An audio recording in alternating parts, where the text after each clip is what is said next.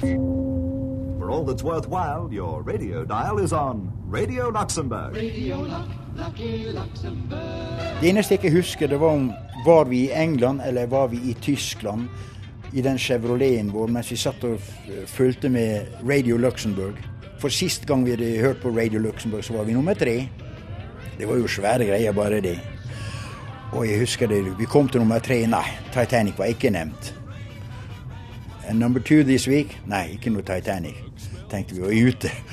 Det var gøy så lenge det varte. Men så kom det. And this week's number one, Titanic. Vi stoppa bilen, kjørte med vilje ut ei lita grøt og satt med tårer i øynene. Det var kjempe. Radiodokumentaren sender Titanic. Historien om Norges glemte rockestjerner.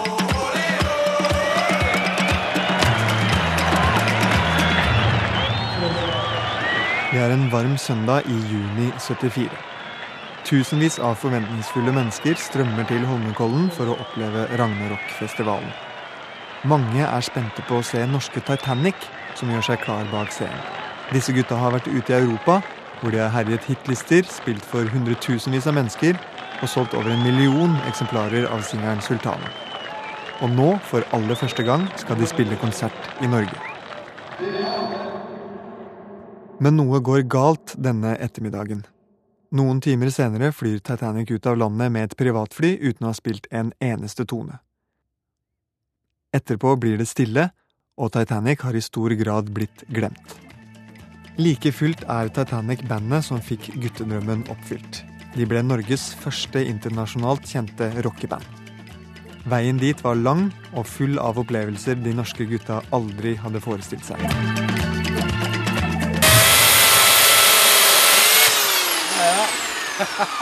Saga litt ved. Nå har jeg vaska bilen, og hekken har fått vann. Det er en uvanlig kald vinter i Sør-Frankrike.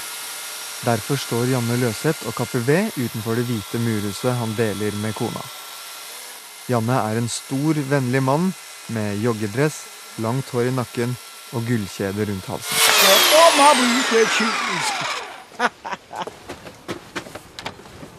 På 70-tallet sto Janne på scenen og spilte gitar med bandet sitt Titanic. Han har solgt mange millioner plater og spilt for Brigitte Bardot, Mick Jagger, Ringo Starr og hundretusener av andre mennesker over hele verden. Nå begynner det å knitre snart. Men nå har han trukket seg tilbake til den lille, rolige landsbyen Ginestas. Jeg fyrer ganske mye oftere enn jeg behøver, altså. For at jeg liker godt den varmen om- kvelden, aftenen da, altså. Jeg sitter foran TV-en og så jeg halvnaken og dubber. det er deilig.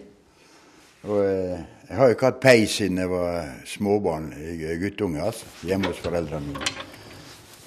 Det er jo knallhardt å tenke på, men jeg har bodd over halvparten av mitt liv i Frankrike.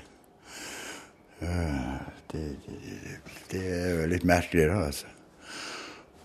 Det er nå 40 år siden Janne kom til Frankrike, og det er 45 år siden han tok et viktig valg og eventyret med Titanic begynte. I 1965 er Janne en høy, lyslugget og sjenert 18-åring med et brennende ønske om å bli musiker.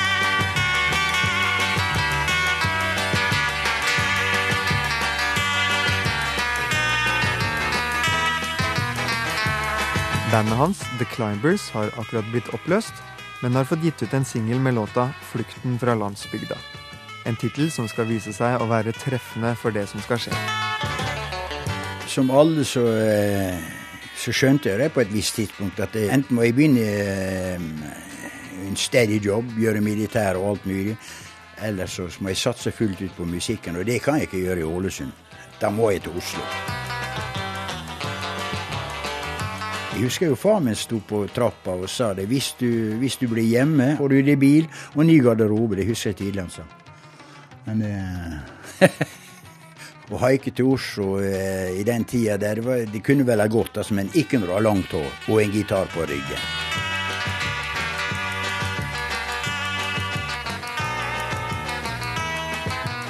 Så jeg begynte å haike. Og haika og haika, men fikk aldri haik. Jeg endte opp med å gå.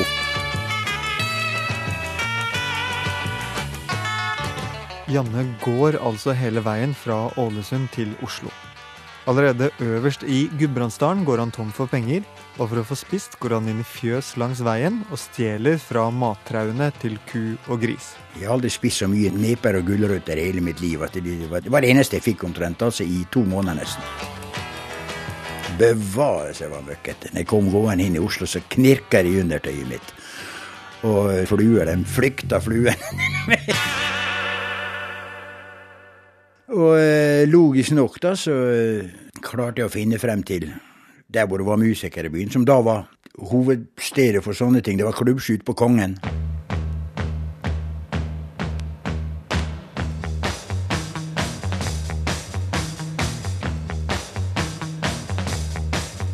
Klubb 7, det var Oslos kuleste klubb.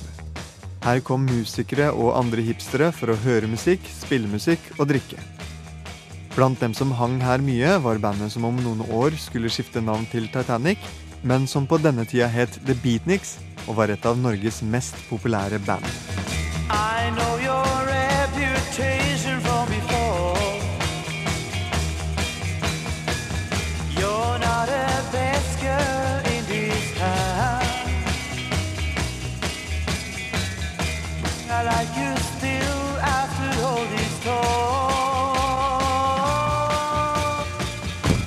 Vi skal på Kongen. Frognerkilen. Frognerkilen er på Kongen der, Ja, Frognerstranda 2 er det vel. Ja, båthavna nedi der, ja. Ja. Så på gamle Klubbsjø. Gamle Klubbsjø? På Kongen. Og gamle Klubbsjø der nede? da? Ja. Var ikke det Munkedalsveien, da? Etterpå, det. I en taxi på vei ned til Gamle Klubbsju sitter Kjell Asperud i en stor rød boblejakke. Har du fyrstikkeske? Han er langt bedre kjent som Kjaperud, vokalist i Beatniks og senere Titanic. En mann kjent for å ha selvtillit og autoritet på scenen. Vært alltid helt rå på scenen. Der var jeg S. Det å kunne kommunisere med publikum var helt naturlig, altså.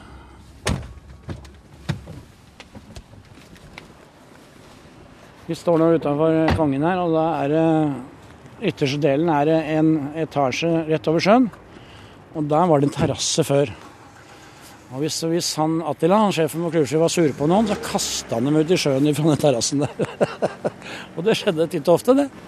Så må de svømme rundt i kloakken her, dere. Helt utrolig, vet du. Det var eh, Nei, men, men jeg husker det. Jeg er helt sikker på at vi gikk inn den døra der, altså.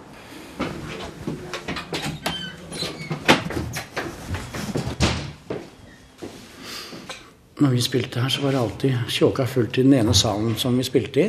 Og så var det like fullt i den andre som ikke fikk sett oss, da de bare hørte.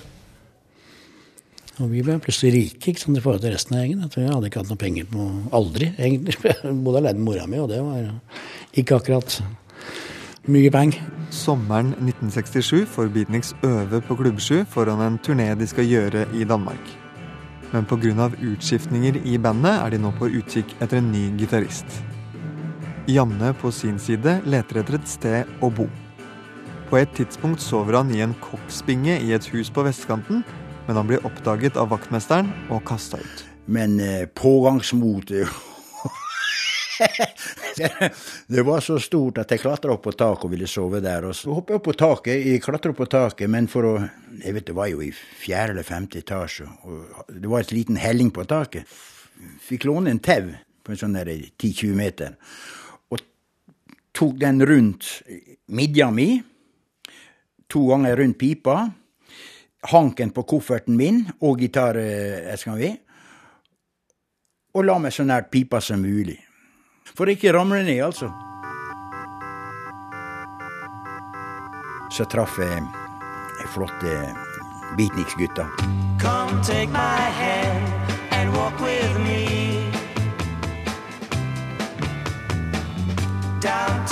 street of misery. Nei, bevares, da, var, da var jeg imponert. For de var jo så flotte. De gikk i klær fra Warner. Flotte jakker, satinerte skjorter, slips i alle farger og press i buksa og Da følte jeg meg ille. Det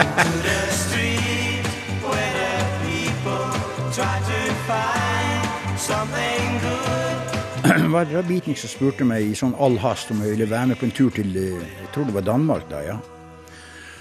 Ja, sa jeg. Jeg dro så kvikt at jeg hadde ikke engang klær eh, til, til å dra med. Jeg bare sto der i noe fillete Og vi måtte ta med han, for Terje Rypdal sa nei plutselig ikke sant, på den, på den eh, greia. Så vi måtte plutselig ta med han, da. Da tror jeg ikke han hadde vaska seg på eh, et halvt år. Please don't be scared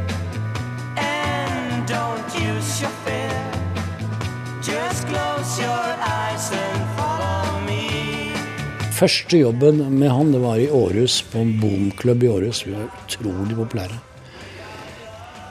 Rekkverk foran scenen, husker jeg. Scenen var sånn halvmeter høy. Og da eh, skulle jentene Da hadde vi sånne der, eh, litt hippie sånne jakker på. Sånne tynne jakker. Blomsterjakker, liksom. Og Janne fikk låne en av Truls, husker jeg. Og så skulle jentene, og jentene dro oss alltid ned fra scenen for å ta og rive oss disse klærne. Og så husker jeg de dro av Janne den blusen, og da, da Jeg hadde fått meg lånt meg noen klær til utenpå, men det som var under, det var ikke helt sånn topp.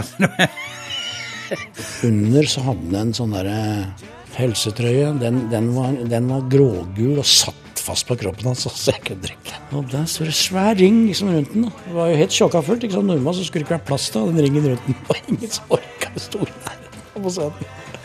Det var synd for Gudrun, så den der gule helsetrøya hans. altså, Fy faen. altså. Down to the street without flowers,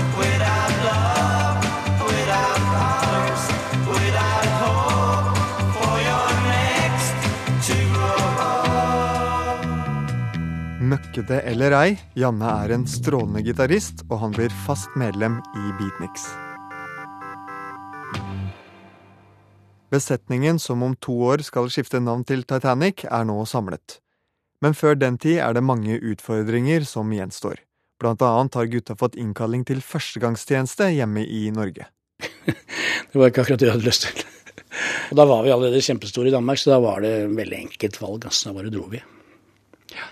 Mye heller sammen med damene i Danmark enn å sitte på militæret i Steinkjer. Altså. Så, men det er klart at vi, det tok jo så lang tid for å komme oss hjem til Norge igjen. Vi trodde vi skulle bli arrestert med en gang vi nærma oss landet. ikke sant?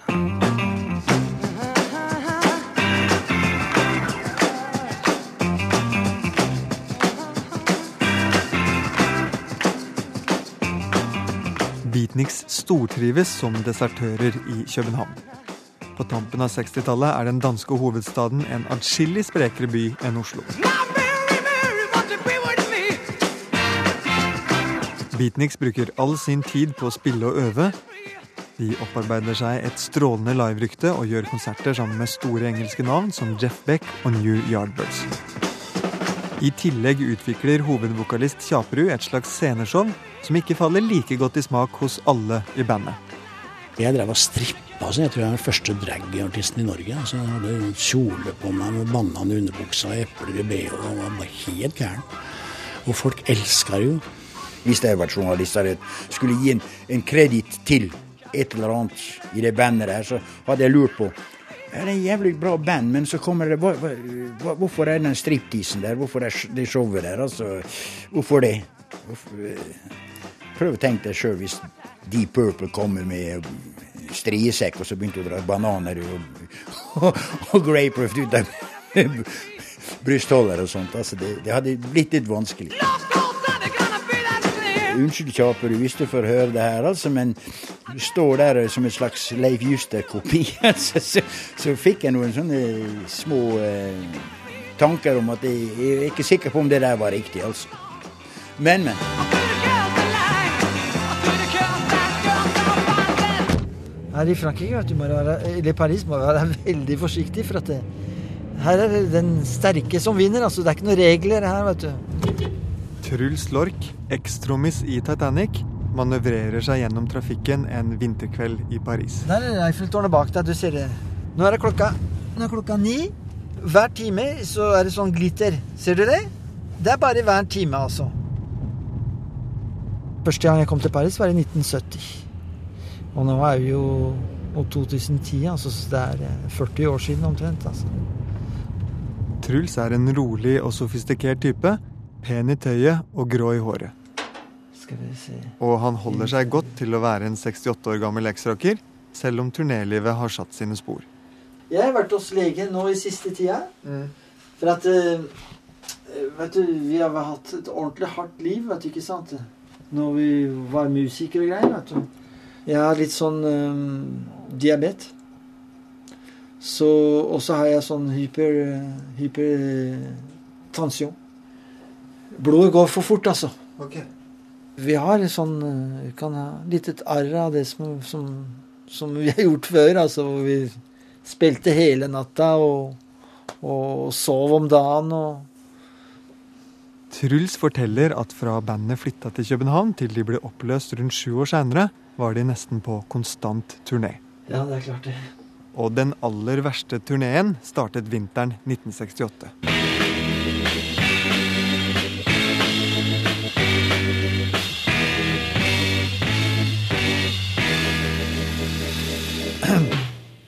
Vi spilte i København. Vi spilte på, den klubben da, som heter Revolution. Eh, og da møtte vi eh, noen kiser fra, fra Israel som ville gjerne at vi skulle komme på turné i Israel. Det var ett år etter sjudagerskrigen, så vi tenkte ja, skal vi det? For å være helt ærlig, jeg hadde ikke noe særlig lyst til det, for jeg er ikke noe glad i krig. Og der nede har de holdt på og holder på enda. Men bandet ender opp med å dra. De kjører bil fra København til Milano og skal ta båt derfra. Og dette var i desember, november-desember, og da er Middelhavet veldig Da rører Middelhavet på seg. Når det stormer der nede, da er det, ikke noe kult å være om bord i båt. altså. Det var et helvete. Og selvfølgelig hadde de folka som hadde booka oss uh, uten å gi oss beskjed at vi skulle spille om bord. Så der, der sto vi på scenen og med bøtter ved siden av hverandre. Og Truls bak trommehuske, spør spøy jo hele tiden. Og lugaren vår var selvfølgelig siden av maskinrommet. Det stinka olje, ikke sant. Og, og, og, og svær sjø, det var ikke noe kultur, altså.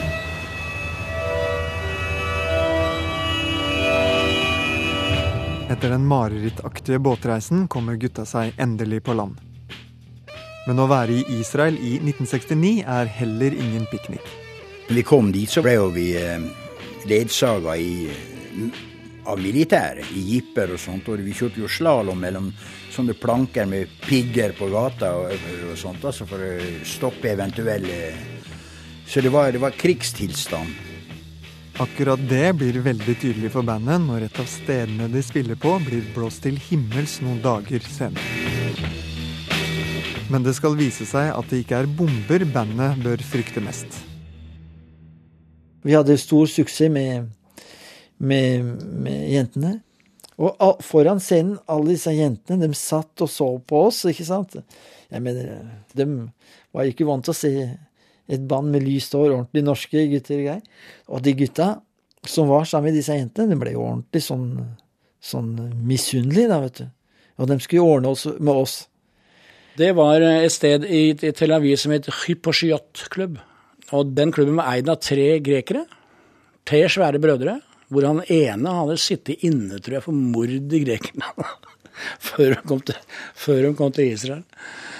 Og så en kveld så står vi på scenen, så ser jeg ut iblant publikum en fyr som baner seg rydning med Han så ikke bra ut i øya, altså. Og så snur han seg mot ei jente som jeg hadde snakka ganske mye med, som var en 16 år gammel flott jente. Var veldig fan av oss. Og så smelte han hun, vet du. Så hun gikk rett i dørken. Da fikk jo han en støvelhæl min. Da hadde vi sånne høye, høye hæler på støvla. Sånn hippiehøye stæler. Så han fikk jo hælen min midt i trynet. Så han ble veldig overraska, og så forsvant den blant publikum. Bare bana seg vei ut igjen. Og sånn 20 minutter lenger ut i konserten, så kommer han tilbake med fem kamerater. Og skal ta oss, da. Så det blei som en sånn der saloon-cowboy-slagsmål, hvor alle slåss. 600 stykker. Truls sto foran trommesettet sitt med mikrofonstativet mitt og bare veiva. Hvis det var noen som nærma seg trommene hans og rørt dem, så hadde de dødd, altså. Ikke sant?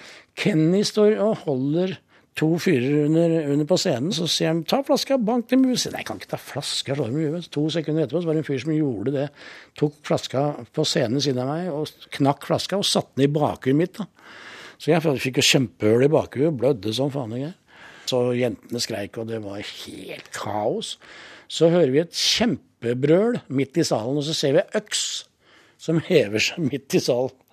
Og da, Det var en av brødrene da, fra Hellas. ikke sant? Da, da ga de ikke an mer de syntes det var for mye her. Men det kjemper, og så den øksa heve seg, og da ble det stille på et sekund. altså. Jeg blødde jo som jeg måtte på sjukehus og sy og greier. Jeg har jo, jeg, har jo jeg, jeg taper nå. Jeg har jo kul, arr kul etter den flaska enda.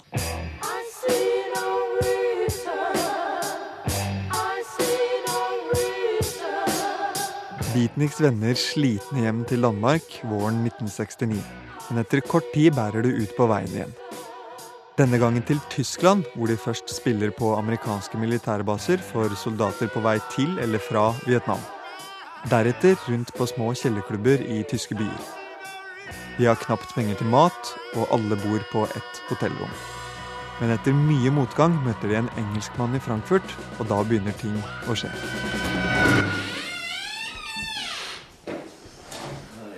Roy Howard. Roy Robinson, engelskmannen som i 1969 ble bandets nye vokalist, er i dag blitt 65 år gammel og kommer på besøk til Janne i Sør-Frankrike. What do you want to drink, Roy? A coffee or a beer or a wine or I'd love a, a coffee with milk, please. a coffee? Yeah. Roy har langt, krøllete hår, militærjakke og en sigarett i munnviken. Han støtter seg på en stokk og mumler litt når han prater. For ca. et år siden ble Roy nemlig rammet av slag. And I couldn't walk for three months then. Left, all the left hand side went. The, this arm I still can't do anything with this left arm. Roy forteller at hele venstresida av kroppen ble lam, at kjeven hans ble skjev, og at han ikke klarer å synge lenger.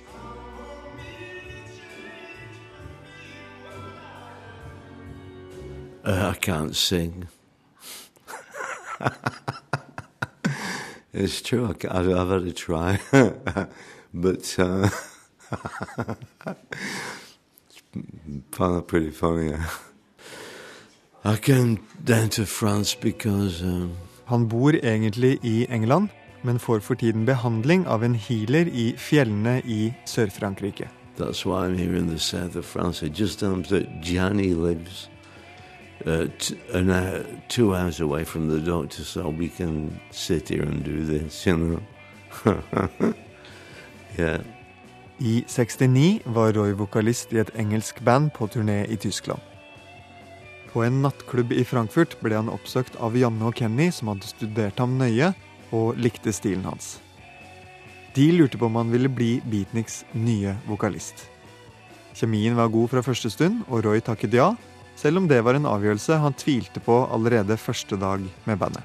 I joined the band and I remember going back to the the hotel with Frankfurt the first day. Roy ble med til hotellet der bandet bodde. Han ventet på dem i lobbyen da han hørte et vanvittig spetakkel fra etasjen over. All hell broke loose. I could hear chairs and everything going and noise and smashing and 20 minutter senere kommer Truls andpusten ned og sier at bandet har blitt oppløst. Roy, the band's just broken up. I said, I've just left my band to join your band, and they're the first I haven't even done one gig, and you already broke up. I said, You can't do this to me. Go back upstairs and fix it. You know, I'm sure you can fix it. So he went back upstairs and came back down again 10 minutes later and said, and I fixed it. It's okay. The band's still together.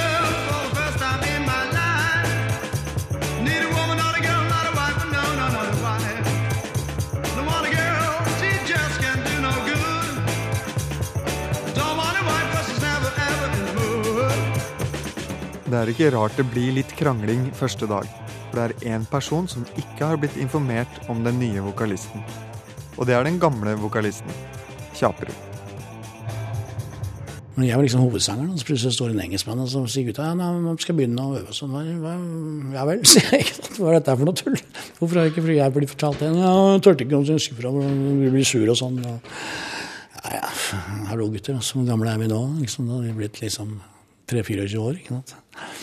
Så de kunne jo glatt ha sagt ifra, men det gjorde de ikke. Når Roy kom med i bandet, da sa Kjaperud at jeg kan jo ikke bare stå der og, og ha en annen eh, stemme. Jeg mener, jeg må gjøre noe annet. Nei, jeg, jeg kunne ikke stå der ved siden av og spille luftgitar, altså. Ikke sant? Og Kjaperud sa at du skal kjøpe meg konga-sett. Så skal jeg spille konga, så lager vi mer i sånn, mer i sånn eh, stil som Santana. Roy ble jo uh, sangeren, og Kjaperud kjøpte et par konger. Så, da ble det litt Måtte jo bruke dem. og da ble det konger på overalt. Om det skyldes Kongas, den nye engelske vokalisten, eller bandets nye navn, Norwegian Wood, er usikkert, men plutselig begynner snøballen å rulle. Sommeren 1969 får de spillejobber på fasjonable nattklubber i Saint-Tropez, hvor folk som Steve McQueen og Brigitte Bardot er blant publikum. Og vi ble utrolig populære blant fiffen i Frankrike.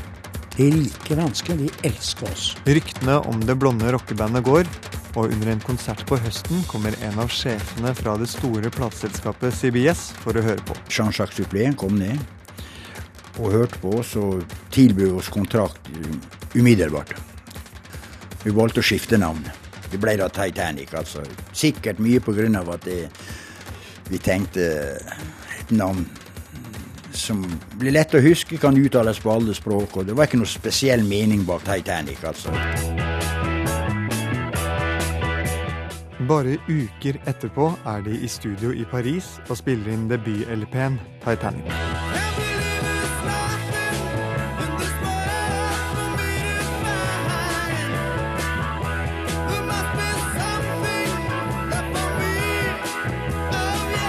Den kommer ut våren 1970.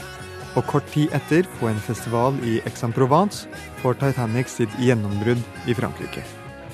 Så det var jo enormt enorm svær greie. vet du. 50 000 mennesker. Vi hadde aldri spilt med så mange. Vi spilte med 14 stykker i Tyskland et år i forveien og så på en klubb, og så var det plutselig 50 000. Ikke? Da tok det av i Frankrike ordentlig. Da var, det liksom, da var vi plutselig kjente. Vi tenkte ikke noe særlig på hva som eh, skjedde med oss. Det bare skjedde, og vi lot det skje.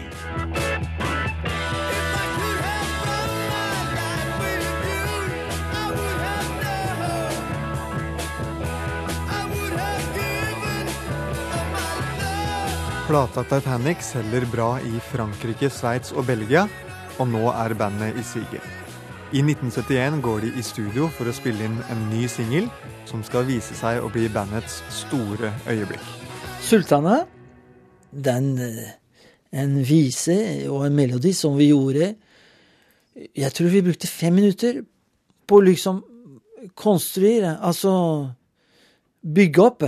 Vi ville også, når vi, når vi hadde begynt endelig å selge plater, og mange plater i Frankrike og Belgia og Sveits og, og sånne land, så vi tenkte at vi skulle si til CBS at det, vi også har lyst til å dra til eh, London og spille inn. Og så sa CBS at ja, men, ja, selvfølgelig kan dere få det. Men um, det er jo bare for å dra dit for én singelplate, altså to viser.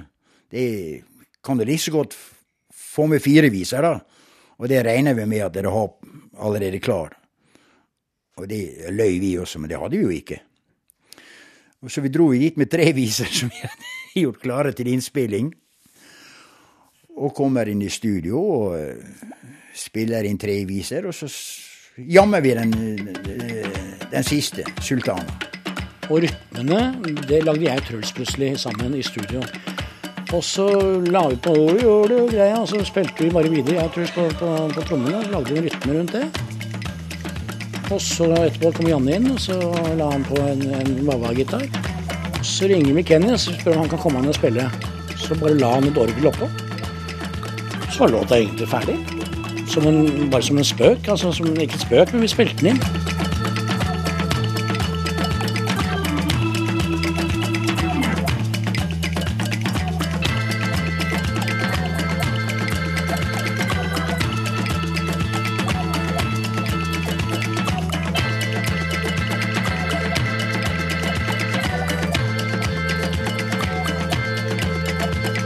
Dag er medlemmene i Titanic uenige om en del detaljer rundt innspillingen og hvordan låta ble kjent. Men faktum er at låta som egentlig ble gjemt bort på B-siden av singelen Sing Fool Sing, blir en kjempehit over store deler av Europa. Med en femteplass i England blir Titanic første norske band på de engelske hitlistene, 13 år før a-ha blir nestemann. Singelen blir trykket opp i land over hele verden, og låta blir plukket opp av de viktigste DJ-ene i New York, hvor den blir en standardlåt i den tidlige diskoperioden. Men for bandet selv var kronen på verket å toppe Radio Luxemburgs europaliste. This week's number one, Titanic. Ja, det, det her du, du, du ser, Jeg er ikke sikker på hvor det Do you remember where this was, Roy? I, I can't really I Frankrike ser Janne og Roy på bilder fra storhetstida mellom 1971 og 73. Her har vi bandet igjen, som da, da var vi på Regent Park Hotel og henta gull, første gullplata vår for Sultan Eiri og Seawolf eh, album. Da var vi det, det, that's on, on, on, on the, the, the, the, the, the gold record, uh, you know. Det, det som var viktig for meg, f.eks. å komme fra lille Ålesund og så spille på Marquis, og så å få trampeklapp på Marquis i London Yes, fantastic. Like Rolling Stones, you, uh, they came every day for about a week, didn't they? They even, even Bobby Keys got up and played with us. Mick Jagger, Keith Richards, everybody was sitting in the audience, you know.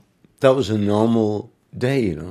Jeg tror ikke vi tenkte så mye på det å være rockestjerne. Vi, vi hadde mye fans, det visste vi. Og vi hadde um, solgte mange plater, tjente gode penger, spilte overalt. Det var jo gøy å sitte på verdenskjente eh, nattklubber som Castell og Regine og sånt i Paris. Og være såpass kjent at du kunne, kunne plutselig finne på når du gikk på gata. Jeg stikker innom, jeg har ikke penger på meg. Trenger ikke penger. Du kjenner meg så godt. Jeg bare går inn og så sier jeg, hei, Janne. Whiskyflaske eller konjakk, hva skal du ha? Jeg trenger whisky, da. Jeg har ikke penger. Jeg, neste gang. Vi vanka på et utested som het eh, Chez Castel, som var et veldig privat klubb. Der var det kun eh, kjente, verdenskjente artister og, og, og society-folk som kom inn. Altså det var ikke noe vanlig publikum kom ikke inn der. Carolina Monaco vanka der, alle var det. Altså Jean-Paul Belmondo, alle vanka der. Du, også, det høres Når du sitter og prater om sånne ting, at du liksom sittet sammen med Jim, altså Jim Morrison hele natt og sånn, og forteller sånne historier til, eh, til folk, da. Så høres det ut som meg i hele mitt liv har det ut som at jeg sitter her og skryter om ting. Ikke sant?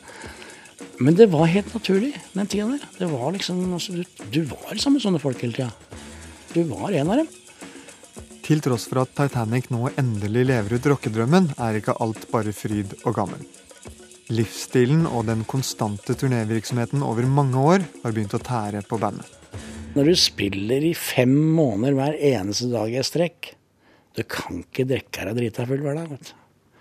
Du blir så sliten, og du blir så lei hverandre. Og de som ikke drakk seg drita full blir iallfall utrolig lei av osv. Jeg slutta jo i Cannes, jeg. Slutta en kveld, jeg, for at Åsern, eh, organisten, var full og bare prata dritt og skulle banke meg. Det var ikke måte på. Det var sikkert noen kvinnfolkgreier. Men Kjaperud var tilbake i bandet dagen etter. Kenny derimot, organisten som skrev mange av låtene for bandet og hadde vært med fra starten, slutta plutselig i 1973 etter en krangel om låtskriving. Når Kjell Aas, Kenny, forlot bandet, så begynte vi å føle at det Nei, det, dette greier vi. Det, det, det er bare å finne en, en bra organist, så skal det gå bra, altså. Men jeg oppdaga litt etter litt personlig, i hvert fall, at et band er én artist. Og et band er én artist som en kropp med fem medlemmer, eh, som armer, ben og sånn. Og når én går ut, eller skal skiftes, så blir det som en måte eh, en slags eh, protese. Like etterpå slutter Truls, som har fått kjæreste og barn i Paris. Jeg var lei altså, av å reise og bo på hotell og Og Men sønnen min var jo født rundt i den tiden der, altså, så jeg hadde lyst til å være litt hjemme og, Benytte liksom livet, familieliv og greier, altså. Jeg angra litt etterpå. Altså. Jeg gjorde det, altså. Spille i et band og bo i sammen og være sammen, det er samme som å være gift. Kjaperud, Janne og Roy finner erstattere for Kenya Truls og fortsetter å turnere. Det er nå seks år siden bandet som ble Titanic dro fra Norge, og de har ikke vært hjemme siden. Men så en dag byr sjansen seg. En festivalarrangør vil ha dem til Oslo i juni 74. Endelig skal Titanic få vise hjemlandet hva de er gode for. Ja, det strømmer fortsatt folk til, eh, til Holmenkollsletta her. Uten å kunne si noe sikkert, så vil jeg tippe at det er en, i hvert fall 40, kanskje opp imot 50 000 mennesker her nå. I hvert fall sett i forhold til det som var i fjor. Ragnarok 74 i Holmenkollen var sommerens store festivalbegivenhet. Her skulle band som Prudence, Hawkwind, Procol Harum og Titanic spille. NRK var til stede og dekket arrangementet. Eh, mannen som eh, arrangerer hele denne greia her, Stein Robert Ludvigsen. Hva er det som får deg til å sette i gang noe sånt som det her? Eh, jeg vet ikke. Syns jeg hørte noe, så plutselig så var det all, all stille. borte. Hei. Stein Ludvigsen. Håvard, hyggelig. Kom inn. eh. Takk. Jeg har ikke rydda så jævlig til deg, da, men det får du tåle. For jeg, bor jo her som en ungkar, og da bare ha på deg skoa. Stein Robert Ludvigsen er mannen som arrangerte de legendariske Ragnarok-festivalene i Oslo på 70-tallet. Jeg vil vel si at uh, Titanic uh, i uh, 1974 var en av hovedattraksjonene. Eh, det er ikke tvil om. Vi hadde jo en hit, da. Santana, eh, tror jeg han het. Sultana. Sultana het den, ja. Og så var det jo norske som da gjorde det bra i utlandet. Så eh, Derfor så var det jo beklagelig at vi ikke fikk de på scenen. Det er av helt andre grunner. Vi var litt excited da, vi skulle spille i Norge. ikke sant? Jeg var kjempeglad, egentlig, for dette var jo stort for oss. Altså Vi hadde blitt enige om hva de hadde selv av instrumenter. Og øh, i og med denne Sultana-låta øh, så brukte de jo mye perkusjon. De hadde med egne kongas, men øh, de øh, måtte ha et kongastativ. Kongastativet som Titanic skal bruke, blir brukt kvelden før i et arrangement på Chateau Neuf nede i byen. Det skal så kjøres opp til scenen i Holmenkollen dagen etter, da Titanic skal spille.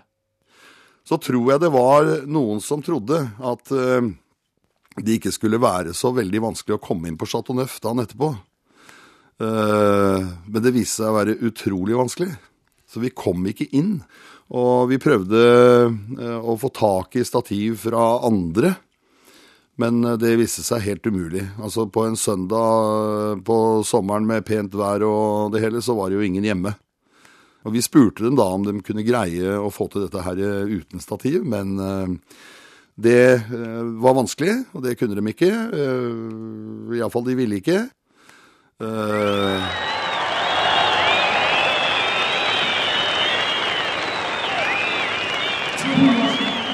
Vi, vi hadde innmari lyst til å spille, da. vi så jo aldri folk her. Og vi var hjemme. Vi skulle endelig få spille i Norge. Og foran så mange folk. Og vi visste vi låt. Vi låt som ei kule. Det var ingen fare med det. Og her kommer vi til å få det gøy. Det var vi så sikre på. Bare vent til kongastativet kommer.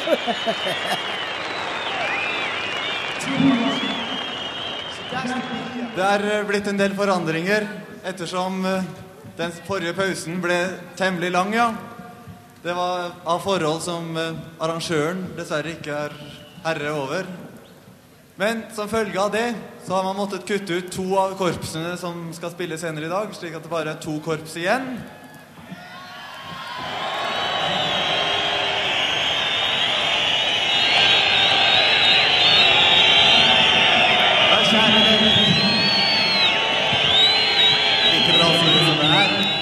Klokka er åtte på kvelden nå. Det er en del opphissede mennesker her. Det viser seg at tidsskjemaet til arrangørene har sprukket fullstendig, og den kanskje største attraksjonen, Hawkwind, har måttet gå ut av programmet. Og ikke bare Hawkwind, også Prudence, den norske gruppa som kom fra Namsos for å spille her, har måttet gå ut. Og Åge Aleksandersen, Prudence, nå skal eh, en annen gruppe spille på deres utstyr, mens dere har kjørt en del eh, hundre kilometer og får ikke spille.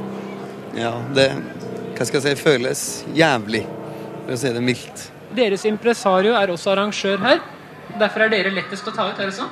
Jeg antar det er en av grunnene. Og så mangla jo Titanic et uh, kongastativ, og det tok det jo en time å finne.